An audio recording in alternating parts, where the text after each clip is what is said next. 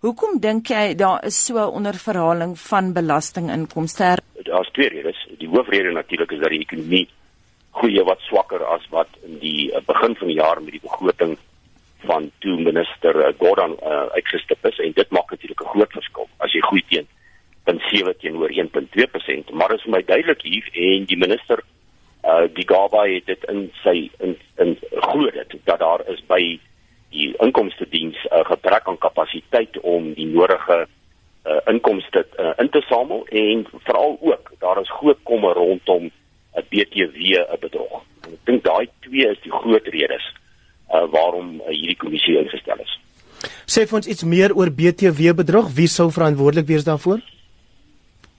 Dit natuurlik die die uh die die SARS is natuurlik verantwoordelik om te kyk dat die BTW ingesamel word en hy moet natuurlik prosedures in plek hê in die bestuurstelsel om seker te maak dat uh alle belastings insluitende natuurlik die BTW reg ingesamel word. En as daar ook 'n moontlikheid is dat hierdie bedrog op 'n groot skaal is, dan moet dit ondersoek word want dit lê by die verantwoordelikheid van natuurlik SARS om seker te maak dat uh, dit wel ingesamel word en hy moet die kapasiteit hê daarvoor om doen. Chris, dit kom kort na die publikasie van Jacques Pau se boek The President's Keepers. Is daar 'n verband? Anita moontlik. Daar is moontlik 'n verband. Die enigste wat ek voor my het is dat die minister uitdruklik in sy begroting gesê het dat hy gaan met die minister gaan hy gaan met die kommissaris uh, in gesprek uh, um, tree en hy gaan met aanbevelings kom en praktiese stappe doen om te verbeter. So dis moontlik. Dis moontlik dat daar druk op die regering sou wees ek dink die druk uh van die akkrediteringsagentskappe en die skok wat die uh daai 50 miljoen gehad het op die ekonomie en die markte uh en vir sy begroting vorentoe het dalk 'n groter rol gespeel. Wat is die implikasies van hierdie inkomste tekort vir die regering se se staatskas? Hy het uh groot implikasies. Uh ons het onmiddellik gesien nadat daai aankondiging gekom het van die tekort dat dit 'n dit 'n bydrae lewer uh dat die totale tekort van die begroting opskuif van die begrote 3.1 na 4.2% van die BBP en dis uh, 4% en hoër is onaanvaarbaar vir die akkrediteringsagentskappe. En dan ook dat ons skuld in die volgende jare gaan toeneem want onthou as jy nou 'n tekort het dan gaan dit uh vorentoe die tekort al hoe groter raak van insameling in die volgende 3 jaar waaroor hierdie minister sy sy sy uh, begrotings uh, um, rede gehou het. En uh, hulle voorsien dus dat ons skuld vanaf die 48 miljoen oor 3 jaar wat in die hoofbegroting gesê is gaan styg soveel as 60 miljoen. En dit is ook onaanvaarbaar en dit het, het dit het regtig 'n groot negatiewe effek op die ekonomie en ook oor belegging uh, by beleggers se vertroue om in Suid-Afrika te wees. Chris gepraat van die minister Malusi Gigaba het ook gesê hulle wil die vertroue van Jan en San publiek herstel in Jan Tax. Is dit moontlik?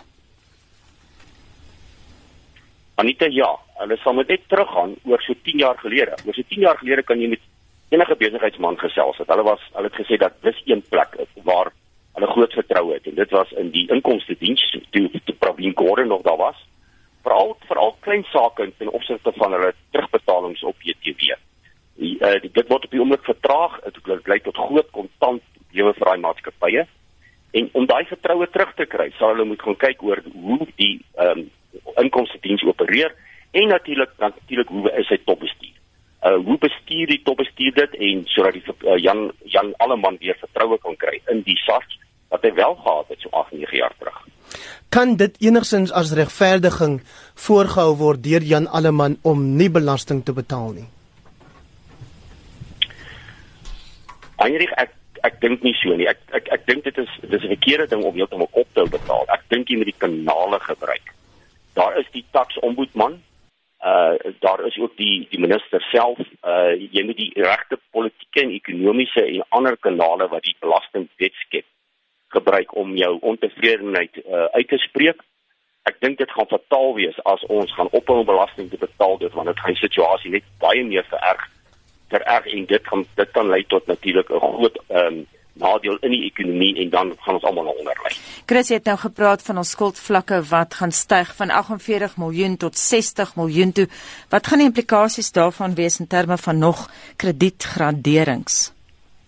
En dit net herstel, uh, dit gaan styg van 48% van die BBP tot 60% van die BBP. Ja. Uh, wat wat wat wat dit gaan styg. Ja, kyk, die implikasie is is dat die akkrediteringsagentskappe het waarsku ons al die laaste 3 jaar dat as daai skuldvlakke bo die 50% beweeg, dan eh uh, gaan hulle nie meer Suid-Afrika 'n uh, uh, beleggingsgradering kan gee nie. So as daai beleggingsgradering uh, onder ons um, uh, uitweggevat word, beteken dit alle buitelanders wat belê in Suid-Afrika se staatsskuld moet daai ehm um, daai skuld oproep en hulle moet onttrek uit die land uit. En dit beteken uh, die die die, die staatsskuld se se se terugbetaling is teen 'n baie hoër koers want dit gaan jou kapitaalmarkkoerse laat styg.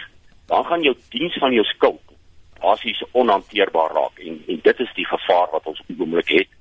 Sou ons uh, hierdie hoë skuldvlakke aanpas Baie dankie vir jou tyd en jou insigte vanoggend. Dr Chris Harmse is 'n ekonoom by Rebalance Fund Managers